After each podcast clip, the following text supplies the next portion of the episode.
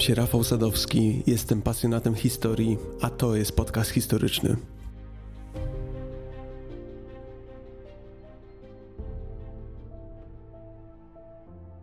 Było to latem 2000 roku, 108 metrów pod powierzchnią lodowatego morza. W rozświetlonych awaryjnym światłem ciemnościach, wśród wyjącego alarmu, na dnie Morza Barenca spoczywał w bezruchu rosyjski okręt podwodny Kursk. Dygoczący z zimna 27-letni kapitan marynarki Dmitrij Kolesnikow właśnie wtedy zdał sobie sprawę, że w ciągu najbliższych godzin umrze. Nie było żadnej możliwości, że ktokolwiek wydostanie go i jego współtowarzyszy z dna morza, zanim skończy się im powietrze. Kolesnikow był oddanym służbie żołnierzem.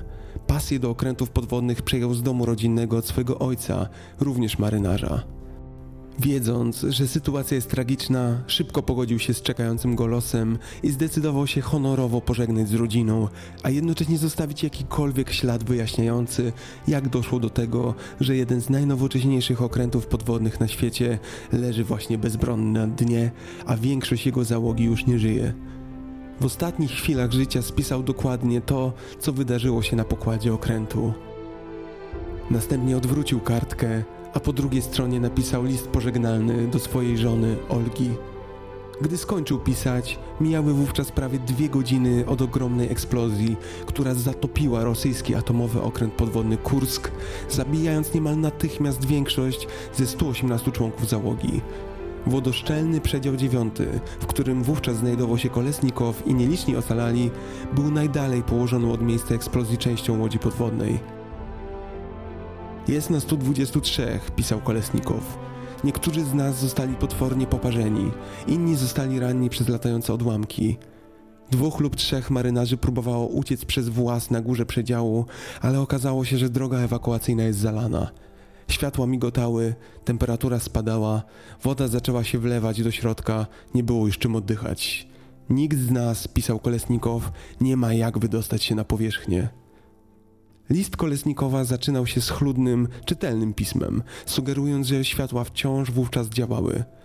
Druga strona listu zawierała wiadomość dla żony Kolesnikowa Olgi, którą to poślubił zaledwie trzy miesiące wcześniej. Na odwrocie pismo jest już rozmazane, prawie nieczytelne. Najwyraźniej do tego czasu światła zgasły na dobre. Piszę na ślepo, pisał Kolesnikow. Następnie kończąc, zawinął list w folię i schował do swojej kieszeni czekając już tylko na śmierć. Jego list został znaleziony wiele dni później, po tym jak rosyjski nurek wydobył z Kurska ciało Kolesnikowa i jego towarzyszy. Jak doszło do tego, że Kursk, duma rosyjskiej marynarki wojennej, jeden z najwspanialszych okrętów podwodnych swoich czasów, stanowi dziś jedną z najczarniejszych kart historii dwudziestowiecznej Rosji? Oto opowieść o tym, jak fatalna mieszanka dumy, uporu i braku cywilnej odwagi prowadzi do bezsensownej śmierci 118 członków załogi łodzi podwodnej. Oto opowieść, która uczy nas pokory. Oto opowieść o ostatnim rejsie okrętu podwodnego K-141 Kursk. Podcast historyczny to nasze wspólne dzieło, powstające wyłącznie dzięki Waszemu wsparciu. Dlatego ogromnie dziękuję każdemu patronowi. Szczególnie zaś dziękuję patronom mecenasom Michałowi, Łukaszowi, Przemkowi, Alinie, Bartoszowi, Danielowi, Wojciechowi, Nidalowi, Rafałowi, Konradowi, Łukaszowi, Franciszkowi, Kamili, Monice, Piotrowi, Karolowi, Sebastianowi, Piotrowi, Katarzynie i Maciejowi. Wasze wsparcie jest bardzo znaczące.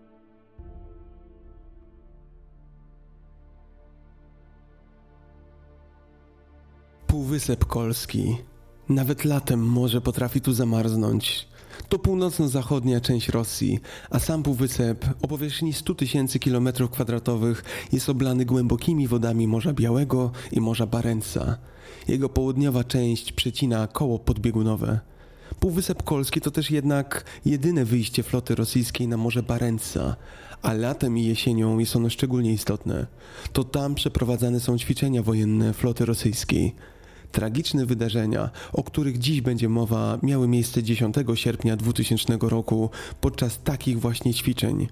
Dużym uproszczeniem byłoby jednak powiedzieć, że tragedia kurska zdarzyła się właśnie tego dnia. Faktyczna przyczyna katastrofy zdarzyła się wiele lat wcześniej. Był nią upadek istniejącego od wielu lat hegemona Związku Radzieckiego, a tym samym wszystkie idące za tym konsekwencje. Cofnijmy się do początku XX wieku. W rewolucji z 1917 roku bolszewicy obalili rosyjskiego cara. Powstały cztery republiki socjalistyczne. W 1922 roku zaś właściwa Rosja dołączyła do swoich rozległych republik, tworząc Związek Socjalistycznych Republik Radzieckich. Pierwszym przywódcą tego państwa był rewolucjonista Władimir Lenin.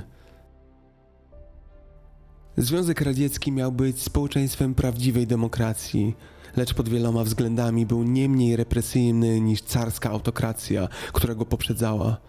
Był rządzony przez jedną partię, partię komunistyczną, która domagała się posłuszeństwa od każdego obywatela. Po 1924 roku sytuacja stała się jeszcze gorsza. Wtedy to do władzy doszedł dyktator Józef Stalin, a państwo odtąd sprawowało totalitarną kontrolę nad gospodarką, zarządzając wszelką działalnością przemysłową i tworząc kołchozy. Stalin kontrolował także każdy aspekt życia politycznego i społecznego. Ludzie, którzy występowali przeciwko polityce Stalina, byli aresztowani i wysłani do obozów pracy zwanych gułagami albo po prostu zabijani. To najczarniejsze karty europejskiej historii XX wieku. Po śmierci Stalina w 1953 roku radzieccy przywódcy czuli, że należy wreszcie odciąć się od dyktatury. Potępili brutalną politykę Stalina, ale w tym samym czasie utrzymali władzę partii komunistycznej. Od połowy lat 50. XX wieku skupili się zaś w szczególności na zimnej wojnie z mocarstwami zachodnimi, angażując się w kosztowny i destrukcyjny wyścig zbrojeń ze Stanami Zjednoczonymi. Jednocześnie ćwiczono siłę militarną w celu tłumienia antykomunizmu i rozszerzenia jego hegemonii w Europie Wschodniej. Był to okres niedługo po II wojnie światowej, a nowo zarysowany podział świata, nowo ustanowiona żelazna kurtyna była jeszcze krucha. Stąd też potrzeba jak najsilniejszego pokazania innym państwom, kto jest silniejszy. ZSRR w owym czasie stanowiło imperium.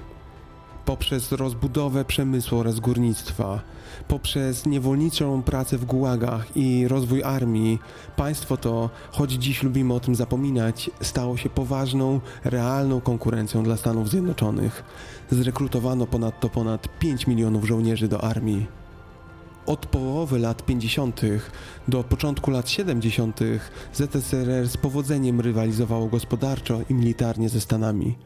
Poziom życia w ZSRR zaś rósł, długość życia i nowinki technologiczne pojawiały się w rosyjskim społeczeństwie. Rosjanie jako pierwsi wynieśli kręgowca, czyli psa łajkę, a potem człowieka, Jurija Gagarina w kosmos. Niestety kryzys gospodarczy pojawił się w latach 70 nierentowne górnictwo, zacofanie technologiczne, głód mieszkaniowy, koszty wyścigu zbrojeń i wojny w Afganistanie oraz niewykonywalne plany gospodarcze to główne przyczyny początku końca. Kryzys narastał. W marcu 1985 roku długoletni polityk partii komunistycznej Michał Gorbaczow objął kierownictwo ZSRR. Odziedziczył stagnację gospodarczą i strukturę polityczną, która była bardziej niż skostniała. Dlatego Gorbaczow prowadził dwa zestawy radykalnych reform, które, jak miał nadzieję, pomogą ZSRR stać się zamożnym, nowoczesnym narodem. Pierwsza z nich znana była jako głasność – czyli otwartość polityczna. Głasność likwidowała ślady stalinowskich represji, takich jak zakaz niektórych książek i wszechobecna tajna policja, i dawała jednocześnie obywatelom nowe wolności. Zwolniono więźniów politycznych, gazety mogły drukować otwartą krytykę rządu bez cenzury, po raz pierwszy w wyborach mogły brać udział partie inne niż partia komunistyczna. Drugi zestaw reform był znany jako pierystrojka, czyli przebudowa gospodarcza. Według Gorbaczowa najlepszym sposobem na ożywienie sowieckiej gospodarki było zmniejszenie roli państwa i pozwolenie na działanie wolnemu rynkowi. Gorbaczow wierzył, że prywatna inicjatywa doprowadzi do innowacji, więc po raz pierwszy od lat 20. XX wieku pozwolono jednostkom i spółdzielniom na prowadzenie wolnej gospodarczej działalności. Robotnicy dostali prawo do strajków i do negocjowania lepszych warunków pracy. Gorbaczow ponadto zachęcał zagranicznych inwestorów do inwestycji w radzieckie przedsiębiorstwa. Te reformy, choć na papierze bardzo sensowne, dawały efekty zbyt wolno. Pierystrojka z dnia na dzień zniszczyła gospodarkę nakazową, która otrzymywała na powierzchni państwo sowieckie, lecz gospodarka rynkowa, która miała zastąpić tę nakazową, nie zdążyła dostatecznie szybko się zakorzenić. Gorbaczow określił ten problem następująco: Stary system upadł, zanim nowy zdążył zacząć działać. Reglamentacja, braki i niekończące się kolejki po rzadkie towary wydawały się być jedynymi rezultatami polityki Gorbaczowa. W rezultacie Rosjanie byli coraz bardziej sfrustrowani jego rządem. To jednak nie koniec chybionych decyzji Gorbaczowa. Uważał on, że lepsza gospodarka sowiecka zależy od lepszych stosunków z resztą świata, zwłaszcza ze Stanami Zjednoczonymi. Nawet gdy prezydent Ronald Reagan nazwał ZSRR imperium zła i rozpoczął masową rozbudowę amerykańskiego wojska, Gorbaczow poprzysiągł wówczas, że wycofa się z wyścigu zbrojeń. Mało tego, Gorbaczow, chcąc pokazać ZSRR jako nowoczesne, postępowe i pokojowe państwo, zapowiedział, że wycofa wojska sowieckie z Afganistanu, gdzie toczyły wojnę od 1979 roku, oraz ograniczy sowiecką obecność wojskową w krajach Europy Wschodniej Układu Warszawskiego. Ta ostatnia zapowiedź miała istotne konsekwencje dla Związku Radzieckiego. Kraje dotąd podległe Sowietom, gdy usłyszały z ust lidera, że ten nie będzie stosować siły, aby uzyskać posłuszeństwo, zaczęły podnosić głowy. Trudno się zresztą temu dziwić. Ich podległość uzależniona była prawie wyłącznie od sowieckiego bata nad głową. Pierwsza rewolucja w 1989 roku miała miejsce u nas, w Polsce, gdzie związkowcy z ruchu Solidarność wynegocjowali z komunistycznym rządem wolne wybory, w których odnieśli wielki sukces. To z kolei wywołało pokojowe rewolucje w całej Europie Wschodniej. Mur berliński upadł w listopadzie. W tym samym miesiącu aksamitna rewolucja w Czechosłowacji obaliła komunistyczny rząd tego kraju. W grudniu pluton egzekucyjny rozstrzelał rumuńskiego komunistycznego dyktatora Nikola Czałczesku i jego żonę. Ta atmosfera zmian z początka lat 90. wkrótce ogarnęła sam Związek Radziecki. Frustracja fatalną sytuacją gospodarczą, połączona z bezładnym podejściem Gorbaczowa do sowieckich państw zależnych, inspirowała ruchy niepodległościowe w republikach na obrzeżach ZSRR. Kolejno państwa bałtyckie, Estonia, Litwa i Łotwa, deklarowały swoją niezależność od Moskwy. 18 sierpnia 1991 roku zaniepokojeni członkowie partii komunistycznej siłą umieścili Gorbaczowa w areszcie domowym. Oficjalnym powodem jego uwięzienia była niezdolność ze względów zdrowotnych do pełnienia funkcji lidera, choć opinia publiczna wiedziała dużo lepiej. To był pucz, a jego przywódcy właśnie ogłosili stan wyjątkowy. Wojsko ruszyło na Moskwę, ale czołgi spotkały się z ludzkimi łańcuchami i obywatelami budującymi barykady w celu ochrony rosyjskiego parlamentu. Borys Jelcyn, ówczesny przewodniczący parlamentu i przyszły prezydent Rosji, stanął na szczycie jednego z tych czołgów, by zebrać okoliczne tłumy. Wojsko nie wiedziało co robić. Nie spodziewano się, że ludność wystąpi przeciwko armii. Pucz więc upadł po trzech dniach.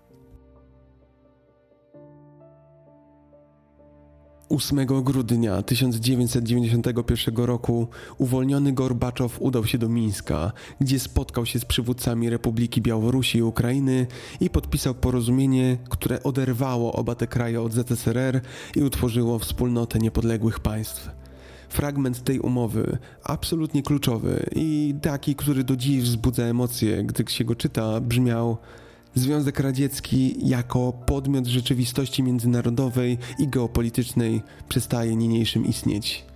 I tak oto formalnie upadł potężny Związek Radziecki. Zaledwie kilka tygodni później za Białorusią i Ukrainą poszło 8 z 9 pozostałych republik, które zadeklarowały niezależność od ZSRR. Gruzja zaś dołączyła dwa lata później.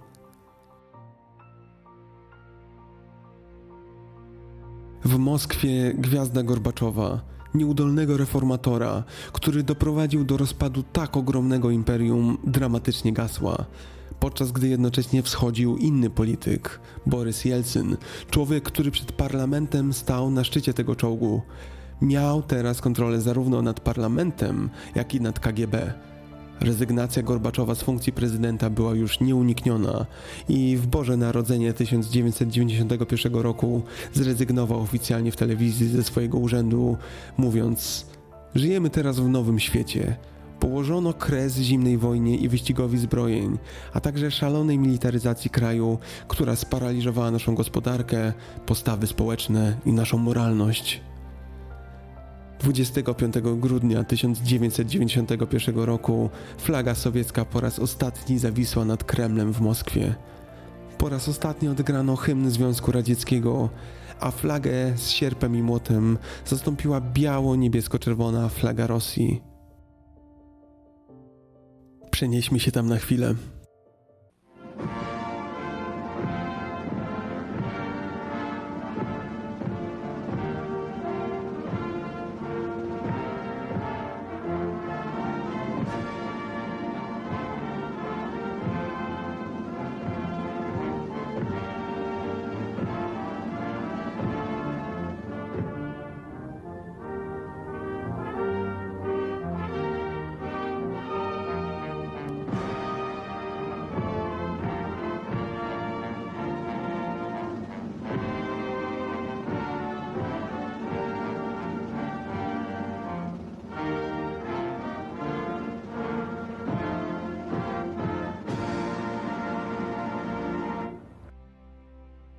Nadchodzących dniach przedstawiciele Republik Radzieckich, Ukrainy, Gruzji, Białorusi, Armenii, Azerbejdżanu, Kazachstanu, Kirgistanu, Mołdawii, Turkmenistanu, Tadżykistanu i Uzbekistanu zapowiedzieli, że nie będą już częścią Związku Radzieckiego.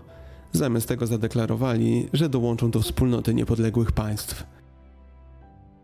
I tak oto niegdyś potężny Związek Radziecki upadł jak domek z kart, w dużej mierze z powodu wielkiej liczby radykalnych reform, które jednocześnie przeprowadził sowiecki prezydent Michał Gorbaczow. Był to pokojowy koniec długiej, przerażającej i nieraz krwawej epoki w historii świata.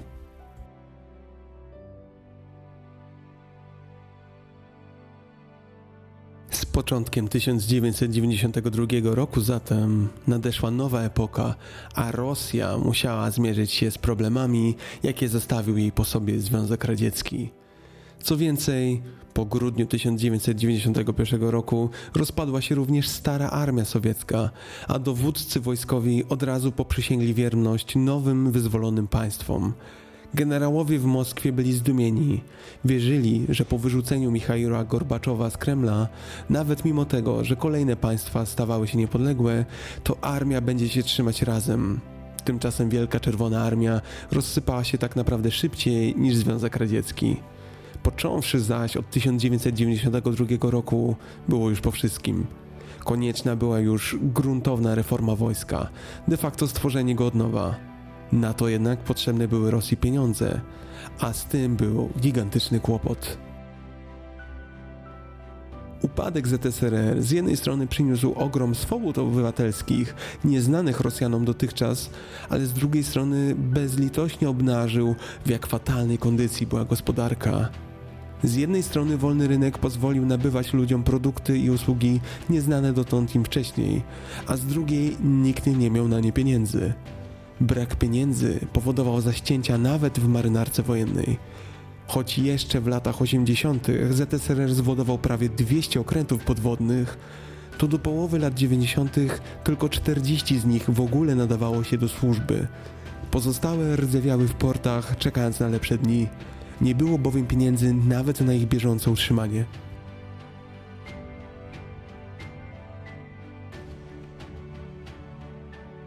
Życie na okrętach podwodnych nigdy nie było proste, ale w tamtym czasie, na początku lat 90., marynarze zaczęli doświadczać i jeszcze większych niedogodności. Znosili je jednak dzielnie. Załogi okrętów podwodnych to najdzielniejsi z dzielnych, to prawdziwa elita wojskowa. Nic dziwnego, nie każdy jest psychicznie w stanie przeżyć długie tygodnie w zamknięciu w metalowej puszce pod wodą. I pomimo ograniczeń finansowych, wojsko miało cały czas ambicje, aby pokazać, na co stać Rosję. W 1994 roku udało się, kosztem gigantycznych nakładów i oszczędności, i przede wszystkim za pośrednictwem wielu cięć finansowych w innych dziedzinach, zaprojektować i zwodować najnowocześniejszy wówczas okręt podwodny, prawdziwą perłę w koronie marynarki rosyjskiej. Przed Wami K-141 Kursk. Już sama nazwa Kursk sugerowała potęgę. Okręt nazywał się bowiem na cześć 50. rocznicy Bitwy na Łuku Kurskim 5 lipca 1943 roku. Batalii, o której mówi się, że przesądziła o losach II wojny światowej. Mówi się, że bitwa na Łuku Kurskim to największe starcie pancerne w historii świata. Starcie, które zakończyło się decydującym zwycięstwem ZSRR. K-141 Kursk był okrętem podwodnym klasy Antiej, co znaczy Anteusz. To również miało swoją symbolikę. W mitologii greckiej Anteusz to syn Posejdona i Gai, gigant żyjący w Libii. Dotknięcie ziemi, jego matki, przywracało mu siły. Herakles zetknął się z Anteuszem, szukając cudownych jabłek Hesperyt. Była to jego jedenasta praca. Anteusz był śmiercionośnym przeciwnikiem. Każdego wyzywał na pojedynki i zawsze je wygrywał. Projekt Anti, czyli Anteusz, reprezentował najwyższe osiągnięcie radzieckiej technologii atomowych okrętów podwodnych. Są to drugie co do wielkości okręty podwodne z pociskami manewrującymi, jakie kiedykolwiek do dziś zbudowano na świecie. Pojedyncza torpeda typu 65 miała głowicę o masie prawie pół tony, wystarczająco potężną, by zatopić cały lotniskowiec. Zarówno pociski, jak i torpedy mogły być wyposażone w głowice nuklearne. Okręty klasy Antiej miały przy tym liczne udogodnienia. Oficerowie mieli indywidualne kabiny, a cała załoga miała dostęp do sali gimnastycznej i małego basenu. Budowa Kurska rozpoczęła się w 1990 roku w radzieckich stoczniach wojskowych marynarki wojennej Siewierodwińsku. Podczas budowy Kurska upadł Związek Radziecki. Prace trwały jednak nadal i Kursk stał się jednym z pierwszych statków marynarki wojennej ukończonych po rozpadzie ZSRR. Kursk został odziedziczony przez Rosję i zwodowany w 1994 roku, a 30 grudnia tego samego roku został wprowadzony do służby przez marynarkę wojenną Rosji. K-141 Kursk był jednym z najpotężniejszych i najbardziej nowoczesnych okrętów w swojej klasie na świecie. Kojarzycie małe, ciasne niemieckie uboty z okresu II wojny światowej? Opowiadałem o nich zresztą w odcinku o Bitwie Atlantyk. Życie tam przypominało egzystencję w klatkach. Powstały 50 lat później okręt Kursk to już zupełnie inna liga. 160 metrów długości to niewiele mniej niż ma Pałac Kultury bez iglicy. 18 metrów szerokości, 16 tysięcy ton wyporności w zanurzeniu. Wszystko to czyniło z Kurska monstrualną wręcz jednostkę. Podwójny kadłub miał sprawiać, że okręt będzie niezatapialny. Wykrycie jednostki utrudniało 10-centymetrowa warstwa gumy pokrywająca kadłub. Kursk miał napęd jądrowy trzeciej generacji. Był napędzany przez dwa reaktory, mające razem moc 380 MW. Dzięki temu Kursk mógł poruszać się pod wodą z prędkością 32 węzłów, to prawie 60 km na godzinę. Wiele statków nie jest w stanie przejść tak szybko nawet na powierzchni. To wszystko pozwalało Kurskowi z łatwością wypełniać swoją najważniejszą rolę. W razie konfliktu z powodzeniem samodzielnie polować i niszczyć amerykańskie lotniskowce. Kursk został oddany do eksploatacji w 1994 roku i pływał na wodach arktycznych przez 6 kolejnych lat. 1999 roku, gdy Kursk miał już 5 lat, wybuchła wojna w Jugosławii.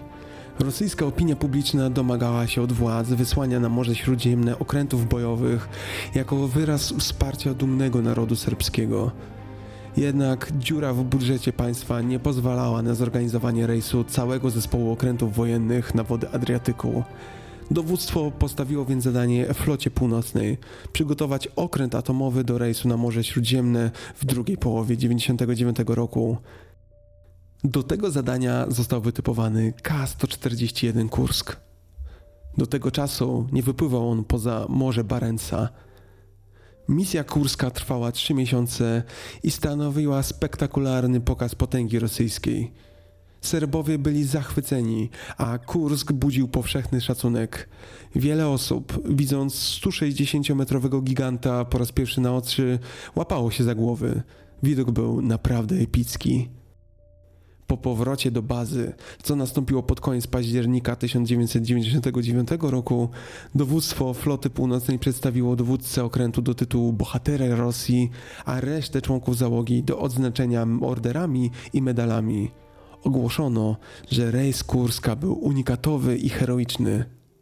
Zapamiętajcie proszę ten fragment. Jeszcze o tym nie wiecie, ale misja Kurska w Jugosławii będzie miała istotne znaczenie dla jego przyszłych losów. Po powrocie okręt rozpoczął remont, a pierwsza załoga rozjechała się na urlopy za 1999 rok. Na przyszły 2000 rok przewidziane były zaś dużo prostsze zadania ćwiczenia floty wojskowej. Nikt nie przewidywał, jak dramatyczny obrót one przyjmą.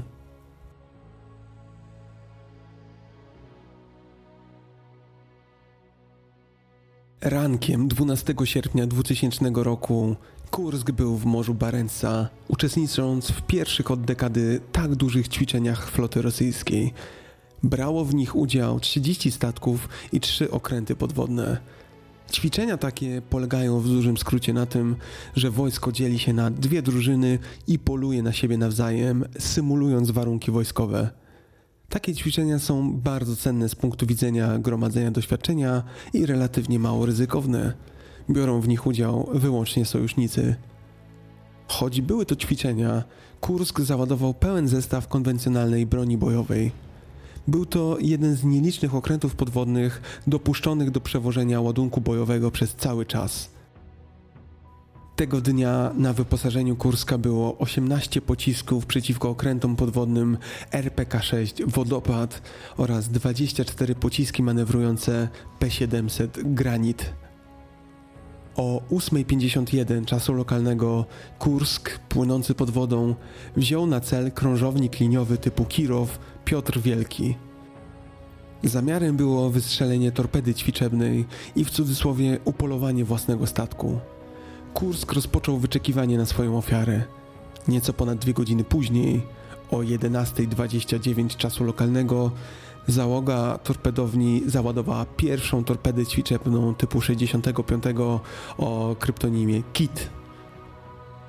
To zdarzenie, załadowanie torpedy o godzinie 11.29, to ostatnie, co wiemy na pewno o losie Kurska. 34 sekundy później, o 11.29.34, detektory sejsmiczne w norweskiej sieci sejsmicznej Norsar oraz w innych miejscach na świecie zarejestrowały zdarzenie sejsmiczne niewiadomego pochodzenia o mocy półtorej w skali Richtera. Ustalono, że zdarzenie sejsmiczne ma miejsce około 250 km od Norwegii i 80 km od Półwyspu Kolskiego. O 11.31 48 sekund, czyli 2 minuty 14 sekund po pierwszym, detektory na świecie odnotowały drugie zdarzenie, mierzące 4,2 w skali Richtera. Oznacza to, że było ono 250 razy mocniejsze niż pierwsze. Ten wstrząs został zarejestrowany w sejsmografach na całej północnej Europie, dotarł nawet aż na Alaskę. O ile pierwszy wstrząs był relatywnie mały, to drugi miał moc eksplozji prawie 3000 ton trotylu. Dziś wiemy, że między pierwszą a drugą eksplozją Kursk zdążył przemieścić się około 400 metrów. Następnie łódź podwodna spoczęła na głębokości 108 metrów pod powierzchnią wody. Wówczas jednak załoga biorącej w ćwiczeniach innej rosyjskiej łodzi podwodnej Karelia wykryła eksplozję, ale jej kapitan założył, że była to część ćwiczeń. Na pokładzie krążownika Piotr Wielki załoga również wykryła podwodną eksplozję i poczuła drżenie kadłuba. Zgłoszono to zjawisko do dowództwa floty, ale raport został zignorowany jako najpełniej część ćwiczeń. Ćwiczenia trwały zatem dalej. Krążownik Piotr Wielki wiedział, że Kursk będzie polować do godziny 13.30, a następnie wynurzy się, aby podsumować i zakończyć ćwiczenia. Pomimo jednak, że dochodziła już godzina 14, wciąż nie było kontaktu ze strony Kurska. Nikt jednak nie podnosił alarmu.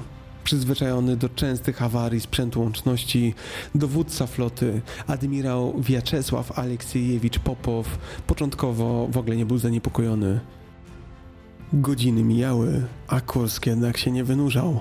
W radiu panowała martwa cisza. Powoli do wszystkich zaczynało docierać, że to nie awaria łączności, a musiało zdarzyć się coś naprawdę złego. Podjęto pierwsze działania. Statek Piotr Wielki wysłał helikopter na poszukiwanie Kurska, ale ten nie był w stanie zlokalizować okrętu na powierzchni. Oficer dyżurny floty powiadomił alarmowo dowódcę sił poszukiwawczych kapitana Aleksandra Teslenkę, że potrzebna jest natychmiastowa pomoc w poszukiwaniu Kurska. Podstawowym statkiem ratowniczym Teslenki był 20-letni wiekowy statek transportowy przerobiony na statek ratunkowy. Był on wyposażony w podwodne kamery wideo, dźwig i inny specjalistyczny sprzęt. Nie był jednak wyposażony w stateczniki zdolne utrzymywać statek w pozycji podczas sztormowej pogody i mógł opuszczać swoje pomniejsze podwodne statki ratunkowe tylko na spokojnym morzu. O godzinie 17, czyli 3,5 godziny po tym, jak miał wynurzyć się Kursk, wysłano na pomoc samolot Ilyushin 38. Jego załoga spędziła 3 godziny na bezskutecznych poszukiwaniach Kurska. O godzinie 18, ponad 6 godzin po początkowej eksplozji, Kursk dalej milczał. Dowództwo floty północnej zaniepokoiło się i próbowało bezskutecznie skontaktować się z łodzią. O 18.30 rozpoczęto już szeroko zakrojoną akcję poszukiwawczo-ratowniczą, wysyłając dodatkowe samoloty w celu zlokalizowania Kurska na próżno. Aż trudno w to uwierzyć, ale ćwiczenia w międzyczasie do tej pory trwały dalej. Dopiero o 22.30 flota północna ogłosiła stan wyjątkowy, a ćwiczenia zostały przerwane. 22 statki floty północnej biorące udział w ćwiczeniach, w tym około 3000 marynarzy, rozpoczęło tym samym poszukiwania Kurska. Dowództwo rosyjskie bardzo bagatelizowało ten incydent. Dopiero 12 godzin po utraceniu kontaktu z Kurskiem dowódca floty północnej admirał Popow poinformował ministra obrony. Minister obrony Igor Siergiejew zaś powiadomił Putina dopiero o siódmej rano w niedzielę. Tego samego Putina, który raptem pół roku wcześniej został nowym prezydentem Rosji po ustępującym Borysie Jelcynie. Oto los sprawił, że już musiał się mierzyć z kryzysem, który ostatecznie rzuci się cieniem na całą jego prezydenturę. W niedzielę, czyli już dzień po zatonięciu Kurska, gdy Popow wiedział, że Kursk zaginął i przypuszczalnie zatonął, planowana była konferencja prasowa o postępach ćwiczeń. Popow wyszedł przed kamery i powiedział, że ćwiczenia były ogromnym sukcesem i wyraził uznanie dla całej operacji. Ani słowem nie wspomniał o Kursku i trwającej już wówczas na pełną skalę akcji ratunkowej. Świat i rodziny nie dostały żadnej informacji, że Kursk prawie od doby pozostaje zaginiony. Po tej konferencji w niedzielę 13 sierpnia plotki zaczęły krążyć wśród członków rodziny Kurska, że coś chyba było nie tak. Rodziny wiedziały, że poprzedniego dnia na godzinę 13.30 przewidywano wynurzenie Kurska, a załogi miały wrócić do portu. Spodziewano się, że do niedzieli marynarze skontaktują się z rodzinami, na przykład telefonicznie. Żony i członkowie rodzin wymieniały się obawami, ale ponieważ Kursk był uważany za niezatapialny, odrzucano najgorsze plotki. Wszyscy mieli nadzieję, że Kursk miał, jeżeli w ogóle, to chwilowy problem z komunikacją.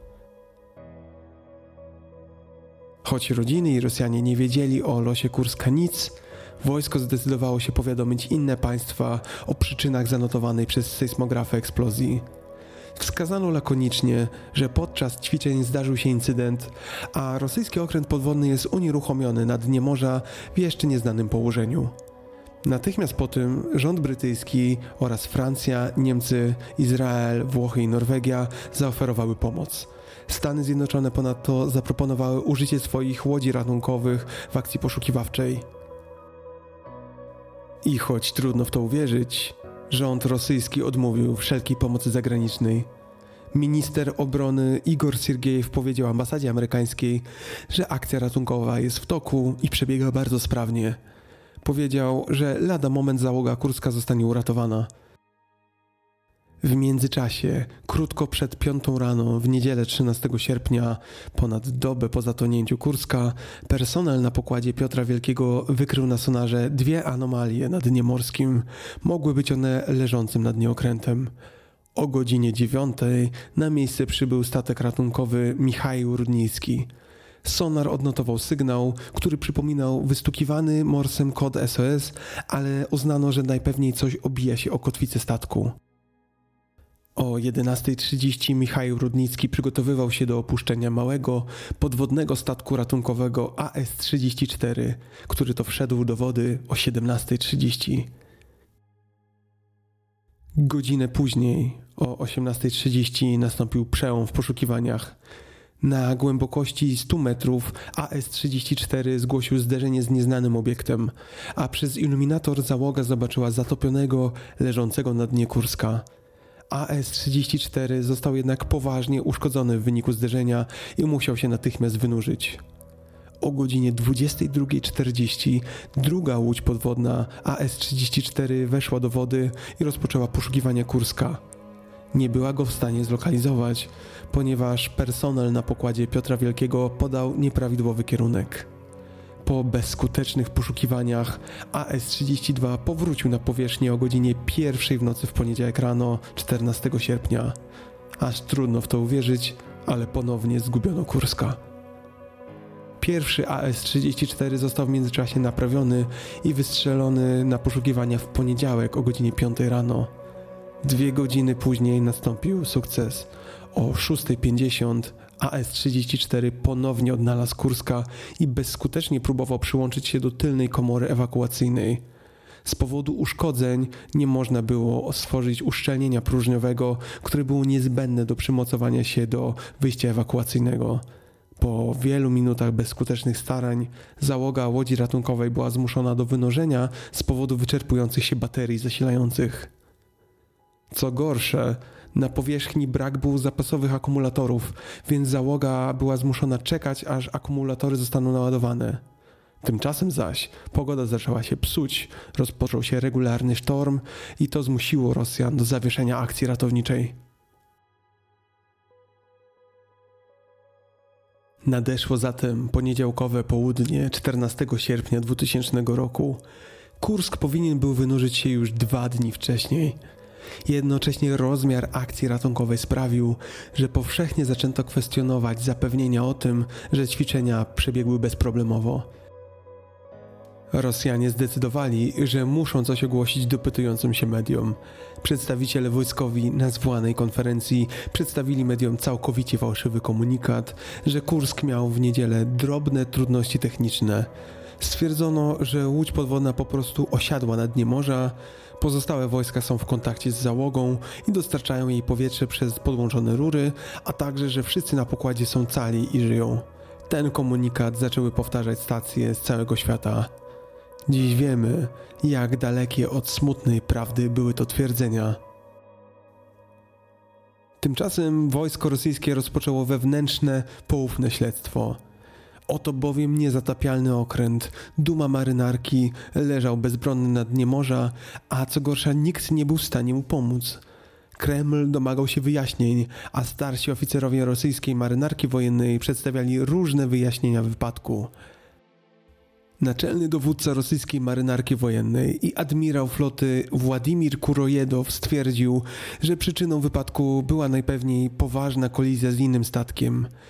Wicepremier Ilija Kliebanow powiedział, że łódź podwodna musiała uderzyć w starą minę z czasów II wojny światowej. Powiedział również, że z dużym prawdopodobieństwem wszyscy marynarze zginęli, zanim statek uderzył w dno. Czas nieubłaganie mijał. Zła pogoda, fale o wysokości 4 metrów, silne prądy morskie i ograniczona widoczność utrudniały ekipom ratowniczym prowadzenie działań we wtorek i środę. Od soboty zaś Kursk leżał na dnie, najpewniej już bez energii i powietrza. We wtorek o godzinie 20 podwodny statek ratunkowy AS-34 został ponownie wystrzelony, ale został uszkodzony podczas opuszczania go do morza. Został przewieziony z powrotem na pokład, naprawiony i ponownie uruchomiony o 21.10. Już po północy, w środę, AS-34 dwukrotnie próbował doczepić się do luku ewakuacyjnego w dziewiątym przedziale, czyli tym z tyłu statku, bezskutecznie. Wynurzył się i podczas podnoszenia na pokład statku macierzystego jego układ został poważnie uszkodzony. W czwartek o godzinie 12 Popow poinformował sztab generalny marynarki wojennej, że dalej nie jest w stanie ani pomóc Kurskowi, ani też określić, co się właściwie stało. Zachodnie media tymczasem zaczęły otwarcie krytykować czas reakcji i nieudolność akcji ratunkowej. Kursk powoli stawał się tematem przewodnim dzienników na całym świecie. Sam zresztą pamiętam, jak jako dziesięcioletnie dziecko z zapartym tchem oglądałem w telewizji tamte zdarzenia. Pamiętam, że nie mogłem zrozumieć, dlaczego na dnie morza są ludzie i nikt nie jest w stanie im pomóc. Szczerze mówiąc, do dziś nie jestem w stanie tego zrozumieć.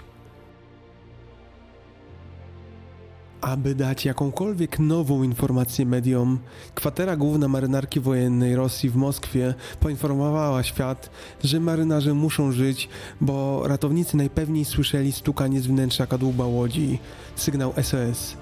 Dalej nie byli jednak w stanie skutecznie dostać się do wewnątrz łodzi przez luk ratunkowy. Ta dramatyczna informacja spowodowała jednak, że media zaczęły głośno krytykować odmowę przyjęcia przez marynarkę pomocy międzynarodowej. Pytano głośno, dlaczego Rosjanie nie akceptują pomocy, skoro nie potrafią sami pomóc we własnym zakresie. Pod wpływem dużego nacisku opinii publicznej, pięć dni po wypadku, 17 sierpnia 2000 roku, prezydent Putin przyjął propozycję pomocy ze stron rządu brytyjskiego i norweskiego. Sześć zespołów brytyjskich i norweskich nurków przybyło na pomoc już następnego dnia, w piątek 18 sierpnia.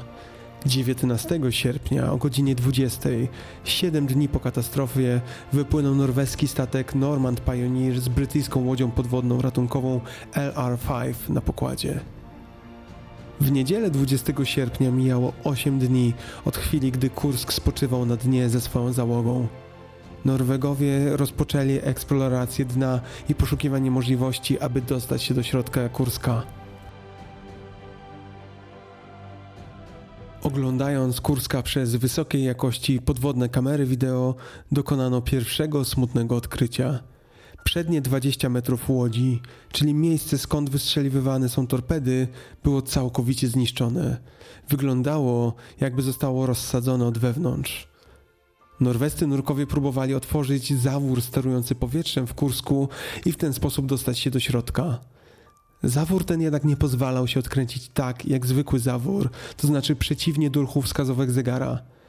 Na pytanie Norwegów, czy zawór otwiera się w jakiś inny sposób, rosyjscy eksperci powiedzieli, że Norwedzy muszą próbować otworzyć zawór przeciwnie do ruchu wskazówek zegara, inaczej go złamią. Nurkowie w końcu postąpili wbrew radom ekspertów i spróbowali odkręcić go zgodnie z ruchem wskazówek zegara, co zadziałało. W poniedziałek 21 sierpnia Norwegowie z rana użyli specjalnego narzędzia do otwarcia wewnętrznego włazu ratunkowego, uwalniając tym samym dużą ilość powietrza z dziewiątego przedziału. Nurkowie opuścili kamerę wideo na drążku do przedziału Kurska i po raz pierwszy z wewnątrz oglądano obraz wideo. Zobaczono kilka ciał. Ratownicze firmy uzgodniły, że norwescy nurkowie mogą wyciąć otwory w kadłubie, ale do środka Kurska będą mogli wejść tylko rosyjscy nurkowie. Norwescy nurkowie wycięli zatem otwór w kadłubie ósmego przedziału, tego znajdującego się z tyłu okrętu, a zatem tego, gdzie szanse na znalezienie kogokolwiek żywego były największe. Otwory wycinano za pomocą specjalistycznej podwodnej maszyny tnącej, która wystrzeliwuje z dużą prędkością mieszankę wody i piasku tnącego. 21 sierpnia, 9 dni po tragedii, gdy dziury w kadłubie Kurska zostały wreszcie wycięte, droga do środka okrętu podwodnego, a tym samym droga do odkrycia rozmiaru tragedii wreszcie stała otworem. W tamtym czasie, choć publicznie nie ogłaszano tego, wszyscy zdawali sobie sprawę, że szanse na uratowanie kogokolwiek żywego są bliskie zeru. Nie tracono jednak nadziei, że może w którymś przedziale ktoś żywy jeszcze czeka na pomoc. Dziewięć dni po zatonięciu Kurska rosyjscy nurkowie ostrożnie weszli do wraku. Wejdźmy zatem i my. Wnętrze Kurska było całkowicie zalane. Muł i popiół wewnątrz przedziału dziewiątego poważnie ograniczały widoczność nurków. Bardzo ostrożnie, stopniowo przedzierali się od przedziału do przedziału.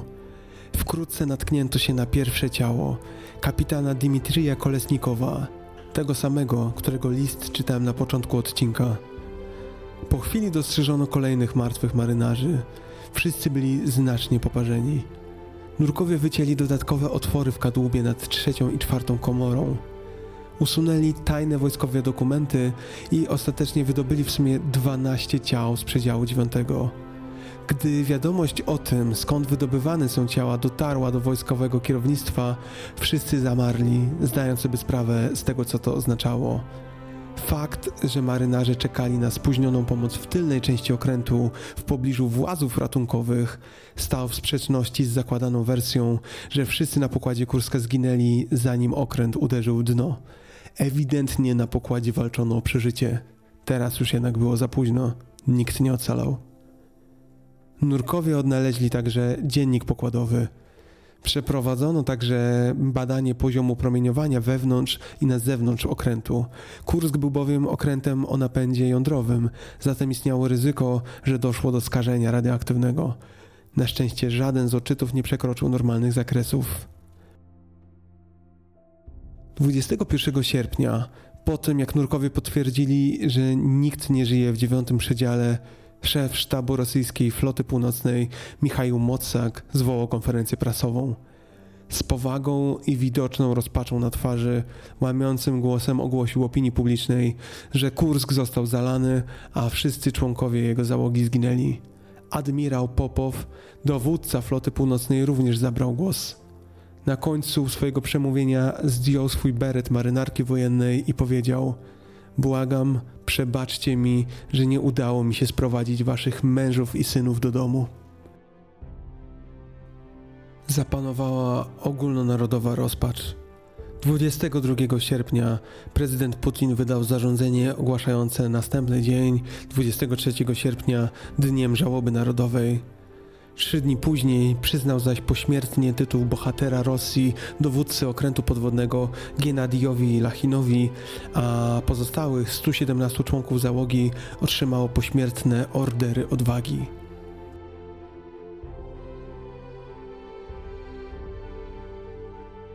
Podsumujmy zatem. 11 dni po zaginięciu znany już był ostateczny, tragiczny los Kurska i jego załogi. Wciąż jednak nikt nie był w stanie stwierdzić, co właściwie się stało. Co sprawiło, że przednia część okrętu została całkowicie zniszczona, a wszyscy marynarze zginęli. Powołano w trybie pilnym komisję śledczą. Oto rozpoczęło się najważniejsze dochodzenie w Rosji po upadku ZSRR, a jego stawką była z jednej strony prawda, a z drugiej wizerunek nowego prezydenta Władimira Putina. Szybko pojawiła się pierwsza robocza teza, że musiało dojść do kolizji Kurska z inną łodzią podwodną należącą do innego państwa. To tłumaczyłoby tak znaczne uszkodzenia dziobu okrętu.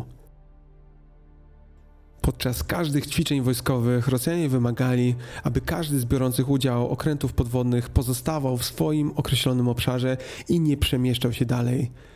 Ta zasada miała na celu wyeliminowanie możliwości kolizji, a jednocześnie umożliwienie okrętom nawodnym wykrycie obecności zachodnich okrętów szpiegowskich.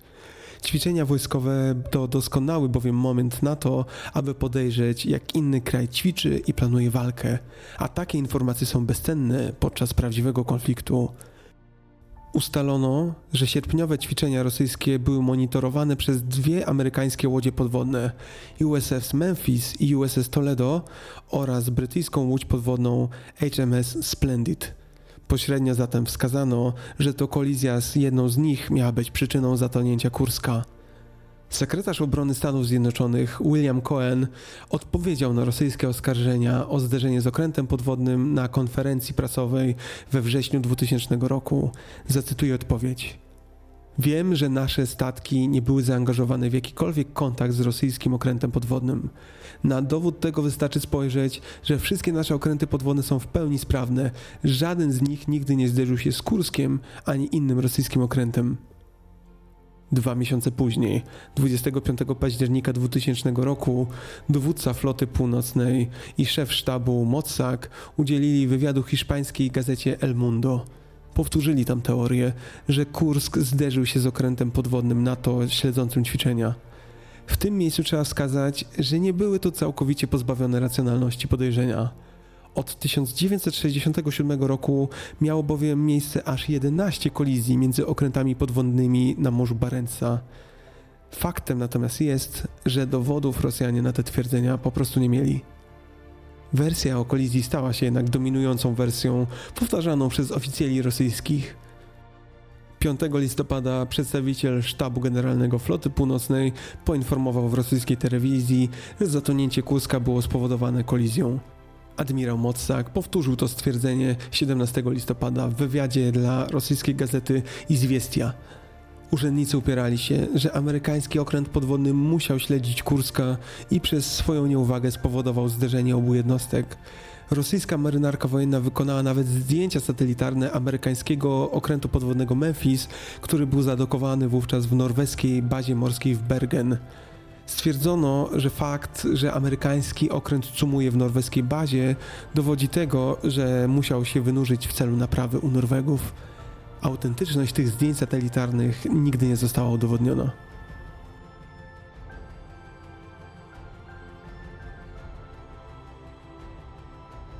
Teoria o kolizji Kurska z inną jednostką, choć przekonująca, miała jednak bardzo istotną lukę.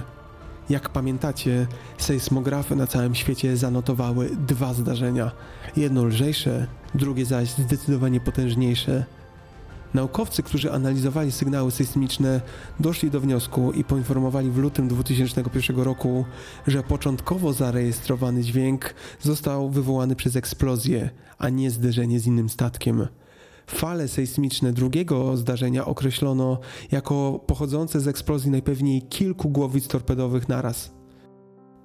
Porównując zaś drugie zdarzenie z pierwszym, naukowcy doszli do wniosku, że pierwszym zdarzeniem również musiała być eksplozja najpewniej pojedynczej torpedy. Wkrótce kolejne źródło. Brytyjska stacja monitorowania sejsmicznego Black Nest ustaliła, że dwie fale uderzeniowe idealnie pasują do siebie i obie odpowiadają wybuchowi torped. Wersja promowana przez rosyjskie władze z dnia na dzień straciła rację bytą. Oznaczało to jednak, że wciąż rok po katastrofie nie znano przyczyn zatonięcia Górska. Co gorsze, dla prezydenta Władimira Putina kryzys kurski był osobistą katastrofą PR-ową. Opublikowano bowiem nagranie, jak raptem dobę po zaginięciu Kurska, gdy rosyjscy urzędnicy marynarki wojennej dokonywali ponurych kalkulacji szans przeżycia całej załogi, Putin bawił się wówczas z gośćmi na zorganizowanym przez siebie grillu w swojej wakacyjnej willi nad Morzem Czarnym. Im dłużej zaś trwał kryzys, tym ostrzej media traktowały rosyjskich oficjeli. Silnie krytykowano manipulowanie danymi i zmienianie stanowiska. W mediach na całym świecie pokazywano zdjęcia rozgniewanych członków rodzin, domagających się informacji albo czekających w niepokoju w porcie na wiadomości. Niektórzy krewni mówili, że o katastrofie Kurska dowiedzieli się tylko z mediów. Skarżyli się, że jeszcze pięć dni po zatonięciu dalej nie otrzymywali żadnych informacji od rządu. Niektórzy nie byli nawet w stanie stwierdzić, czy członkowie ich rodzin byli na pokładzie, czy też nie. Co gorsze jeszcze, rząd odmówił udostępnienia listy zaginionych marynarzy nawet rodzinom tych na pokładzie. Nie przeszkodziło to jednak handlować tą listą przez wojskowych niższego szczebla, którzy za łapówki kserowali ją dziennikarzom tabloidów. Ta praktyka również wyszła na jaw, rozwścieczając bliskich marynarzy. Nieustanne problemy ratowników z dotarciem do potencjalnych ocalałych oraz utrzymujące się sprzeczne informacje o przyczynach wypadku rozpalały opinię publiczną. Media określiły reakcję rosyjskich władz na katastrofę jako skrajnie nieudolną, a przedstawiane publiczne wyjaśnienia jako całkowicie niewiarygodne. Dla uczciwości warto wskazać, że Putin był ofiarą niekompetencji własnych ludzi. Od początku kryzysu był informowany przez wojsko, że sytuacja jest pod kontrolą i że nie musi interweniować. Powiedziano mu, że Rosja nie powinna przyjmować pomocy od obcych mocarstw, będzie to postrzegane jako objaw słabości. Niestety dla niego posłuchał się tej sugestii, a to spowodowało, że był bardzo krytykowany przez opinię publiczną i media. Notowania w sondażach bardzo spadły, a wielu Rosjan wskazywało, że nie ufa już nowemu prezydentowi. Zachowanie prezydenta, a raczej jego bierność, wydawały się bezduszne, a działania rządu skrajnie niekompetentne. Aby ratować wizerunek, Władimir Putin postanowił zagrać w bank. We wtorek 22 sierpnia, 10 dni po zatonięciu Kurska, a dzień po tym, jak na pokład weszli nurkowie i ogłoszono światu, że nikt nie przeżył, Putin spotkał się z członkami rodzin zmarłych marynarzy. Miało to miejsce w bazie marynarki wojennej Widiajewo i dotyczyło 300 rodzin zmarłych marynarzy. Spotkanie to było zamknięte dla mediów, a wstęp był ściśle kontrolowany. Dwóch rosyjskich dziennikarzy z gazet Niezawisimaya Gazeta i Komersant weszli do środka tylko dlatego, że podszyli się za członków rodzin. W swoich reportażach opisywali, że wewnątrz byli świadkami naprawdę łamujących serce scen. Dziesiątki zrozpaczonych wdów i matek domagało się wyjaśnień, dlaczego otrzymywali tak wiele sprzecznych informacji i kto zostanie ukarany za śmierć członków ich rodzin. Wołano, kto ich zamordował, kiedy poznamy prawdę o śmierci naszych mężów i synów, kogo ukażesz za ich śmierć, jak ich ukażesz.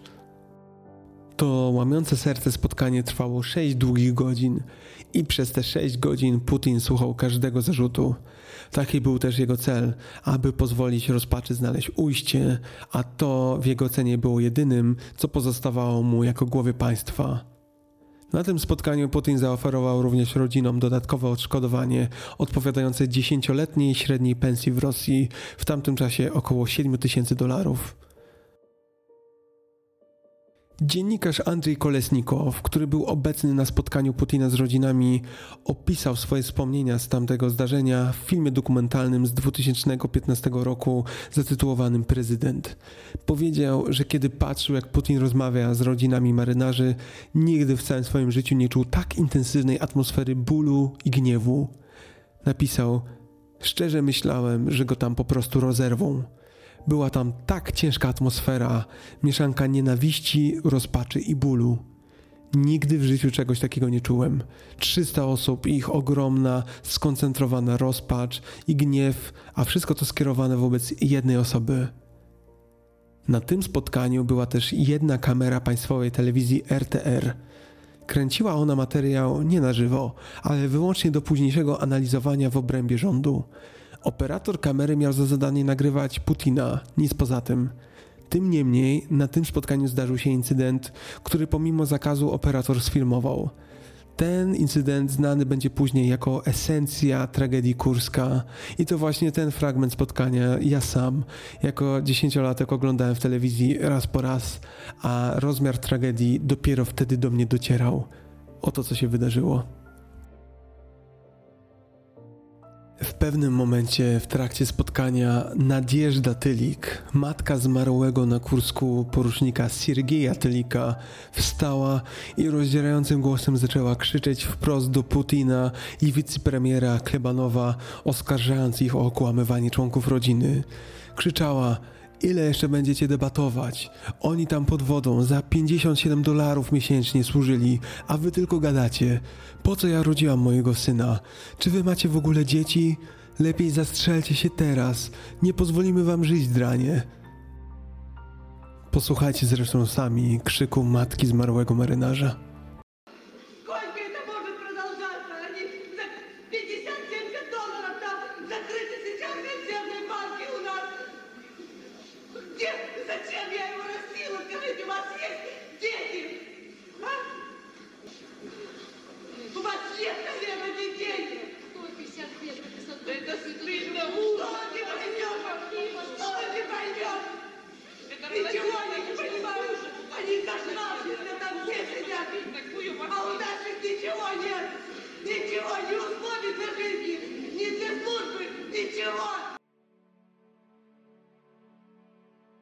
Cała milczała, a nadjeżdża krzyczała minutę za minutą, bez końca. W końcu pielęgniarka w cywilnym ubraniu za jej plecami siłą wstrzyknęła jej przez ubranie środek uspokajający. Moment przymusowego uspokojenia matki uchwyciła kamera. Nadjeżdża Tylik szybko straciła zdolność mówienia i została wyniesiona z sali. Gdy to nagranie zaczęło krążyć po świecie, opinia publiczna była zaszokowana tym incydentem i obawiano się, że publiczne uspokojenie matki członka załogi oznacza, że były Związek Radziecki powraca do metod tłumienia sprzeciwu z czasów zimnej wojny. Do tego Nadjeżda powiedziała później mediom, że jej syn sześć dni przed katastrofą powiedział jej, że torpedy na pokładzie Kurska kiedyś zawiodą. Nie wyjaśnił jednak, co miał na myśli. Powiedziała, jestem pewna, że dowódcy floty północnej wiedzieli, że torpedy Kurska nie były w porządku. Winni muszą zostać ukarani. Po tym incydencie, w odpowiedzi na lawinę krytyki, minister obrony Siergiejew i wyżsi dowódcy marynarki wojennej i floty północnej złożyli Putinowi rezygnację. Ten jednak odmówił jej przyjęcia.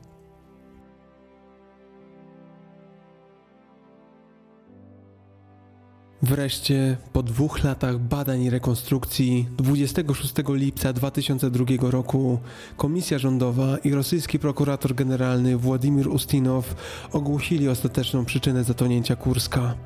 Nie była nią kolizja. Winne było rozszczelnienie atrapy torpedy na dziobie Kurska. Spowodowało ono wyciek paliwa, nadtlenku wodoru, a po zapłonie wywołało pierwszą eksplozję, która zatopiła Kurska. Raport Komisji Rządowej ujawniał, cytuję, szokujące naruszenia dyscypliny w wojsku, tandetny, przestarzały i źle utrzymany sprzęt oraz niedbałość, niekompetencje i niegospodarność. W raporcie stwierdzono, że akcja ratunkowa była bezpodstawnie opóźniana. Oto szczegóły ostatnich dramatycznych chwil Kurska, opisane minuta po minucie w raporcie, który dla Was przetłumaczyłem. Przede wszystkim ostatecznie ustalono, w których miejscach znajdowała się załoga, gdy zaczęło dziać się nieszczęście. Gdy Kursk był zanurzony, 78 członków załogi było zwykle przydzielanych do pierwszych czterech przedziałów, a 49 do pięciu tylnych. Wybuch rozszczelnionego paliwa nastąpił w pierwszym, przednim przedziale Kurska. Między pierwszym a drugim przedziałem była zamykana przegroda.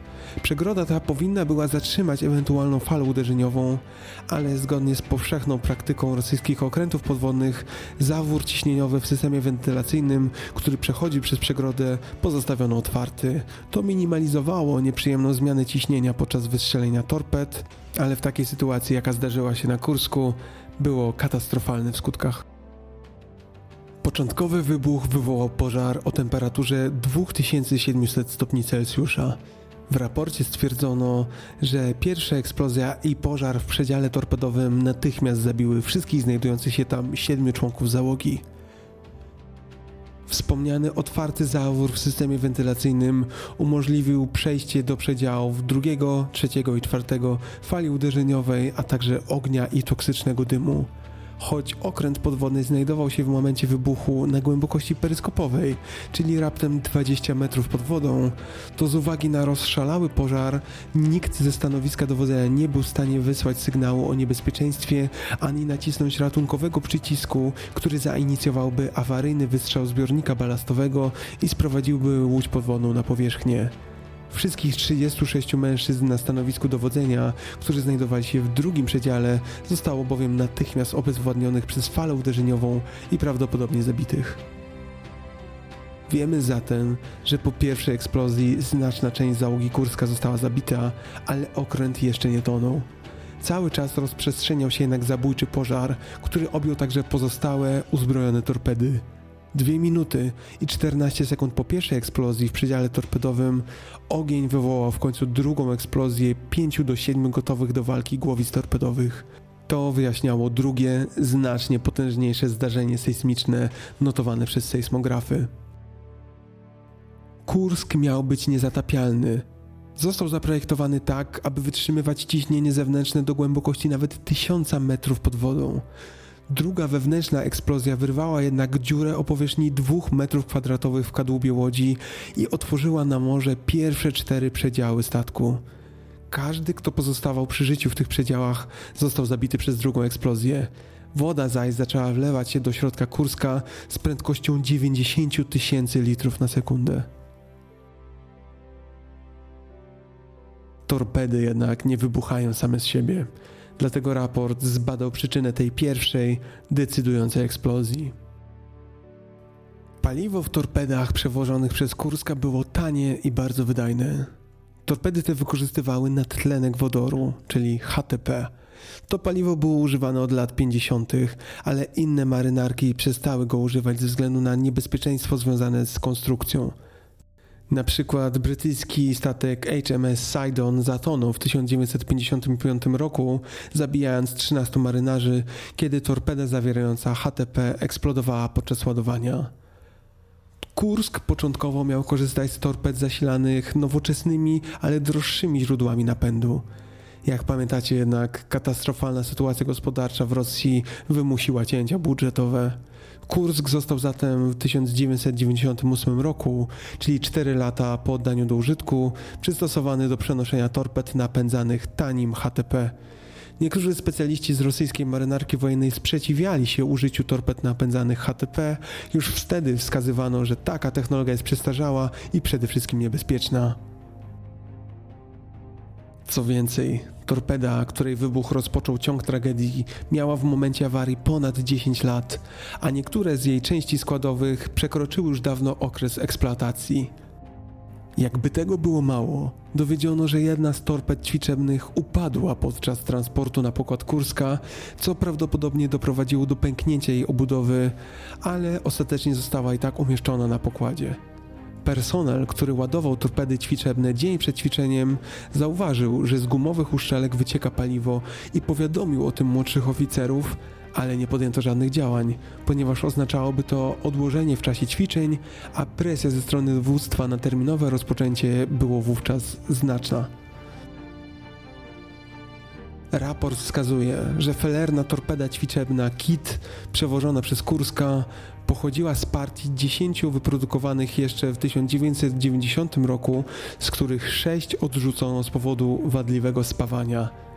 Dochodzenie wykazało jasno, że torpedy te miały być używane tylko podczas ćwiczeń, a zatem spawów nie sprawdzono dokładnie. Kiedy ekipy ratownicze w końcu odzyskały pozostałości torped i wyrzutni, analiza wykazała, że obie nosiły odznaki odkształceń i uszkodzeń termicznych, które odpowiadałyby wybuchowi w pobliżu środka torpedy, bardzo blisko spawu. Oficjalny wniosek komisji mógł być tylko jeden. Wadliwa spoina doprowadziła do wycieku, a następnie wybuchu.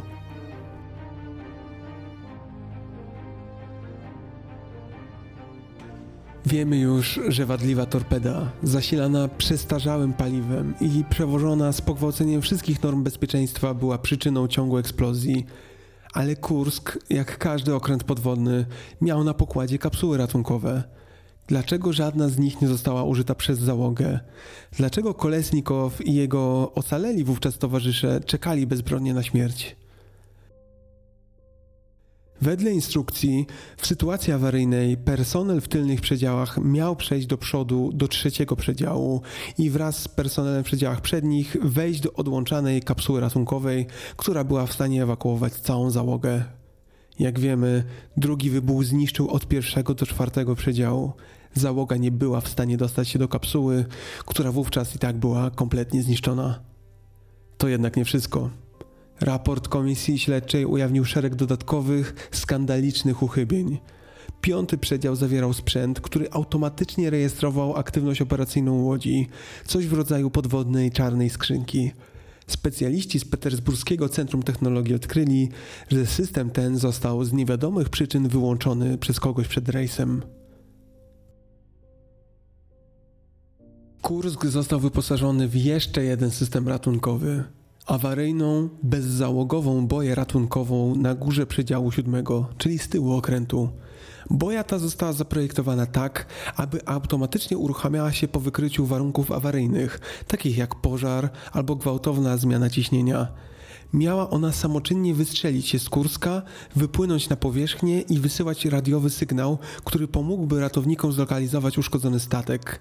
Boja ta nie zadziałała. Dlaczego? Jak pamiętacie, na początku odcinka wspominałem, że Kursk służył w 1990 roku na Morzu Śródziemnym w celu monitorowania amerykańskiej floty reagującej na wojnę w Kosowie. Oficerowie rosyjskiej marynarki wojennej obawiali się wówczas, że ta boja awaryjna może przypadkowo się uruchomić, ujawniając pozycję okrętu podwodnego flocie amerykańskiej. Aby temu zapobiec, wyłączono system uruchamiający boję ratunkową. I choć trudno w to uwierzyć, to najpewniej przez niedbalstwo nigdy później go nie włączono. Dlatego też nie uruchomiła się ona, gdy Kursk zatonął. Na tym raport kończył się. Pomimo wielu uchybień w procedurach i sprzęcie, przewodniczący Komisji Śledczej Ustinow oświadczył, że nie zostaną nikomu przedstawione żadne zarzuty, ponieważ katastrofa kurska była spowodowana usterką techniczną, a za nią nie można było obarczyć konkretnych osób. Powiedział, że wszyscy marynarze zginęli w ciągu 8 godzin, a żadnego z nich nie udałoby się uratować w dostępnym czasie. Na konferencji prasowej ogłaszającej zakończenie oficjalnego śledztwa Ustinow zwolnił producenta torpedy z wszelkiej odpowiedzialności. Zacytował: Ci, którzy projektowali torpedę, nie mogli przewidzieć możliwości jej wybuchu w takich okolicznościach. Członkowie rodzin Kurska byli zrozpaczeni. Ponownie rozpoczęła się nagonka prasowa na władze rosyjskie. Chyba najostrzejszą opinię, jaką udało mi się znaleźć z końca 2002 roku, krótko po zakończeniu śledztwa, napisał brytyjski The Guardian. Pozwolę sobie zacytować. Beznadziejna, błędna próba ratunku, utrudniona przez źle zaprojektowany i zepsuty sprzęt, ilustruje fatalny upadek potęgi militarnej Rosji. Bezduszne podejście marynarki wojennej do rodzin zaginionych przypomina najgorsze sowieckie praktyki, kłamstwa i niekompetentne próby tuszowania, podjęte zarówno przez marynarkę, jak i przez rząd, to praktyki jeszcze sprzed Gorbaczowa. Naczelne dowództwo marynarki wojennej więcej czasu spędziło szukając kozła ofiarnego niż przyczyn samego wypadku. Raport dowodził najgorszego, że nie wszyscy marynarze zginęli od razu. Do przedziałów od 6 do 9 w tylnej części łodzi przydzielono 24 marynarzy. 23 z nich przeżyło dwa wybuchy i zgromadziło się w małym dziewiątym przedziale, który miał włas ratunkowy. Dowództwo przejął wspomniany przeze mnie na początku odcinka kapitan Dmitrij Kolesnikow, szef zespołu turbin w Wydziale Siódmym i jeden z trzech pozostałych przy życiu oficerów tego stopnia. Oświetlenie awaryjne było zwykle zasilane bateriami znajdującymi się w pierwszym przedziale, ale zostały one zniszczone podczas eksplozji. Dziewiąty przedział zawierał jednak kilka niezależnych źródeł awaryjnych, które najwyraźniej musiały jeszcze działać. Kolesnikow napisał dwie notatki, których fragmenty zostały po raz pierwszy ujawnione mediom 27 października 2000 roku. Pierwsza z nich, napisana o 13.15, została sporządzona godzinę i 45 minut po drugiej eksplozji. Pismo wydaje się normalne, co wskazuje, że marynarze wciąż mieli trochę światła. Oto słowa Kolesnikowa. Jest 13.15. Cały personel z sekcji 6, 7 i 8 przeniósł się do sekcji 9. Są tu 23 osoby. Źle się czujemy, osłabieni dwutlenkiem węgla. Ciśnienie w komorze wzrasta. Jeśli wypłyniemy na powierzchnię, nie przetrwamy kompresji. Nie wytrzymamy dłużej niż jeden dzień. Cały personel przeniósł się tutaj. Nikt z nas nie może uciec. Na odwrocie tej notatki znajdowała się informacja do rodziny Kolesnikowa i do jego żony Olgi. Treść tej prywatnej notatki nie jest znana opinii publicznej. Dwie godziny później, o 15.15, .15, Kolesnikow napisał drugą notatkę. Wtedy już światło nie działało, a jego pismo jest niezwykle trudne do odczytania. Oto ostatnie słowa Dimitrija Kolesnikowa i zarazem ostatnie słowa kogokolwiek z pokładu Kurska. Słowa, które za każdym razem sprawiają, że mam ciarki. Piszę w ciemnościach, na ślepo. Wydaje mi się, że nie ma już szans na przeżycie, najwyżej 10 do 20%. Mam nadzieję, że przynajmniej ktoś to przeczyta.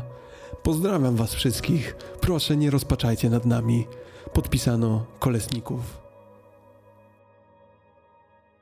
Pozdrawiam Was wszystkich. Proszę, nie rozpaczajcie nad nami. Oto w momencie, gdy jasne było, że śmierć to już kwestia minut, 108 metrów pod wodą, godziny po katastrofie, która zabrała prawie wszystkich jego towarzyszy, dzielny żołnierz pisze wiadomość tak, aby uspokoić, ukoić swoich bliskich. Wie, że tę wiadomość jego rodzina będzie czytać raz po raz, dlatego chce dać im choć trochę otuchy i spokoju. Aż trudno mi sobie wyobrazić, co musi czuć człowiek w takiej chwili. Po publikacji raportu toczyła się poważna debata na temat tego, jak długo przeżyli marynarze z dziewiątego przedziału. Rosyjscy oficerowie wojskowi początkowo podawali sprzeczne zeznania, że ocaleli mogli przeżyć nawet tydzień. Holenderski zespół ratunkowy informował, że według nich mężczyźni mogli przeżyć najwyżej 2 do 3 godzin. Poziom dwutlenku węgla w pomieszczeniu szybko bowiem przekroczył poziom przeżywalny dla ludzi. Ogół zebranych dowodów wskazuje, że marynarze żyli co najmniej 6 godzin i 17 minut po zatonięciu. W każdym razie marynarze nie żyli już co najmniej od 4 dni przed tym, jak nurkowie wreszcie dostali się do środka. Tragedia kurska zrodziła wiele teorii spiskowych wyjaśniających katastrofę. Tabloidy takie jak Der Spiegel, Berliner Zeitung i Sunday Times twierdziły, że posiadają dokumentację twierdzącą, że okręt podwodny został trafiony pociskiem wystrzelonym przez przyjacielski niszczyciel Piotr Wielki. Były to największe ćwiczenia morskie, jakie rosyjska marynarka prowadziła od ponad dekady, co zwiększało szanse na teoretyczny incydent z przyjaznym ostrzałem. Nie ma dowodów na tę teorię. Inne hipotezy sugerują szpiegostwo, błąd człowieka, sabotaż, a także testy nowej, tajnej torpedy szkwał o domniemanej prędkości powyżej 370 km na godzinę. Jeszcze inna teoria głosiła, że USS Memphis wystrzelił torpedę w kierunku Kurska. Na wszystkie te teorie również brak dowodów. Tabloid Komsomolskaja Prawda opublikował w czerwcu 2001 roku raport, że wyżsi oficerowie rosyjskiej marynarki wojennej zaangażowali się w skomplikowane oszustwo, aby ukryć faktyczną przyczynę katastrofy. Rzekomo kapitan Kurska wysłał wiadomość do kwatery głównej bezpośrednio przed eksplozją: Mamy wadliwie działającą torpedę. Nigdy nie zostało to udowodnione, a sama ta historia budzi wątpliwości nawet najbardziej podejrzliwych badaczy.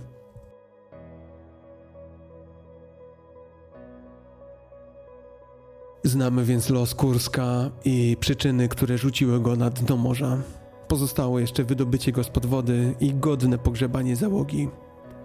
Na początku 2001 roku marynarka rosyjska oraz biuro konstrukcyjne Rubin zwróciły się z zapytaniem do zagranicznych firm o możliwość wydobycia Kurska w nieprzekraczalnym terminie do końca 2001 roku.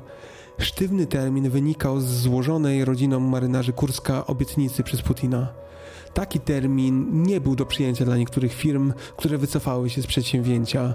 Operacja ta bowiem wiązała się z dużym ryzykiem związanym z pozostałymi w zniszczonym okręcie torpedami oraz innymi pociskami.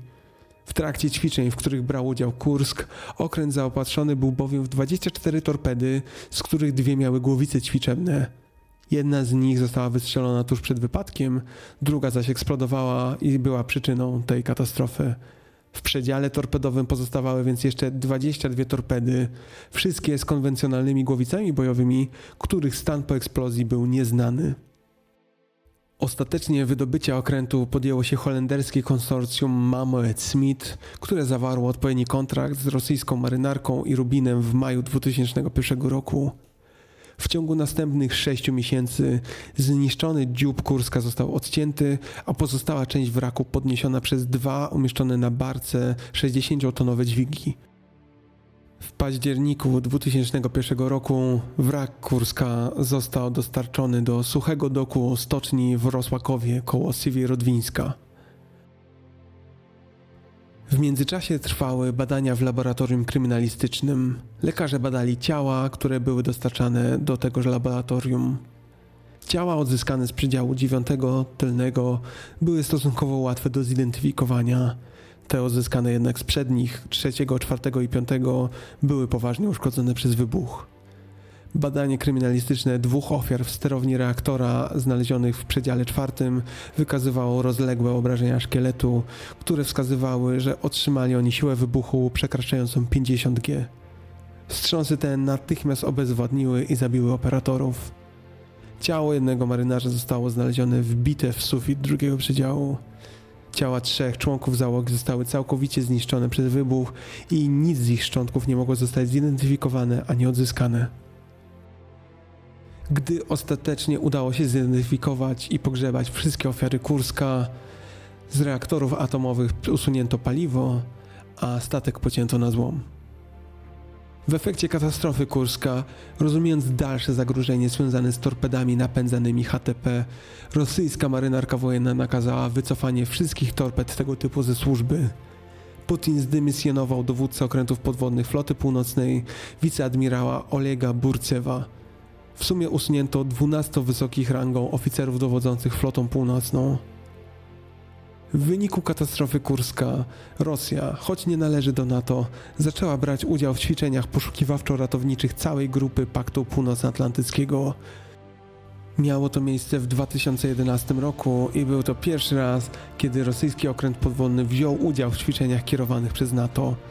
Rosyjska marynarka wojenna zwiększyła również liczbę nurków głębinowych szkolonych każdego roku z 18 do 45. Władimir Putin uhonorował pośmiertnie członków załogi Kurska orderem męstwa, a dowódca jednostki, komandor Gennady Lachin, został uhonorowany tytułem bohatera Federacji Rosyjskiej. Dla uczczenia pamięci marynarzy, którzy zginęli na Kursku w wielu miastach Rosji, np. w Murmańsku, Petersburgu i w Niżnym Nowogrodzie, a także w Kursku wzniesiono pomniki i tablice pamiątkowe. W Centralnym Muzeum Sił Zbrojnych Federacji Rosyjskiej w jednej z sal znajduje się zaś ekspozycja prezentująca materiały związane z życiem i służbą załogi Kurska. Katastrofa kurska zainspirowała wielu pisarzy i twórców kultury. Do wydarzeń związanych z zatonięciem tego okrętu podwodnego nawiązują na przykład książki autorstwa niemieckich dziennikarzy Bettiny Singling i Johannesa von Zweikela, a także Roberta Mura i Petera Truskota. Na podstawie tej ostatniej powstał film dramatyczny w reżyserii Thomasa Winterberga, w którym zagrał m.in. Colin Firth. Tragedii marynarzy Kurska poświęcona jest sztuka teatralna autorstwa Briany Lavery. O katastrofie Kurska opowiada też piosenka znanego rosyjskiego zespołu DDT, zatytułowana Kapitan Kolesnikow. Link do niej wraz z tłumaczeniem zamieszczam w opisie odcinka. Ostrzegam, że jest bardzo wzruszająca.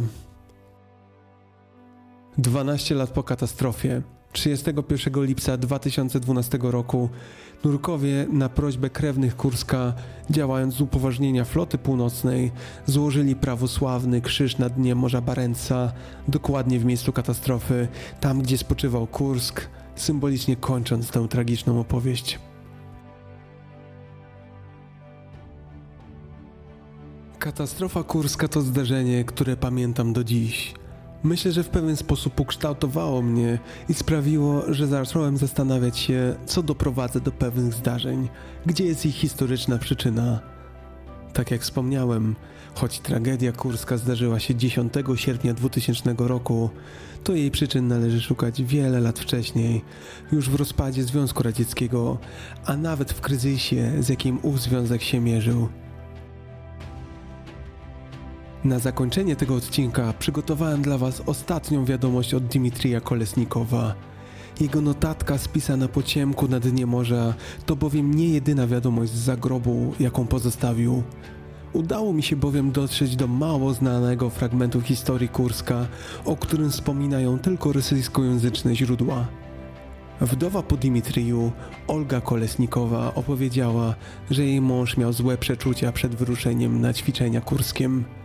Dimitri i Olga Kolesnikow pobrali się raptem parę miesięcy wcześniej i bardzo się kochali. Byli nierozłączną parą. Im bliżej było do ćwiczeń, tym większy czuł niepokój Dimitri. Nie mógł spać w nocy. Aby symbolicznie zakotwiczyć w domu rodzinnym, przed wypłynięciem zostawił swojej żonie wisiorek z krzyżykiem i obiecał, że odbierze go od niej, gdy tylko wróci. Napisał też dla Olgi wiersz. Ten wiersz przetłumaczyłem dla Was z języka rosyjskiego. Gdy go czytam, za każdym razem mam łzy w oczach. Niech zatem ten wiersz stanowi zakończenie tego odcinka, a jednocześnie uczci pamięć Dimitrija Kolesnikowa oraz całej nieszczęsnej załogi Kurska.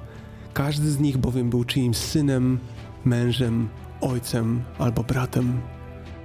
Oto wiersz. A gdy nadejdzie mój czas, choć myśli o tym odganiam od siebie, pamiętaj wówczas jedno: najdroższa, kocham ciebie.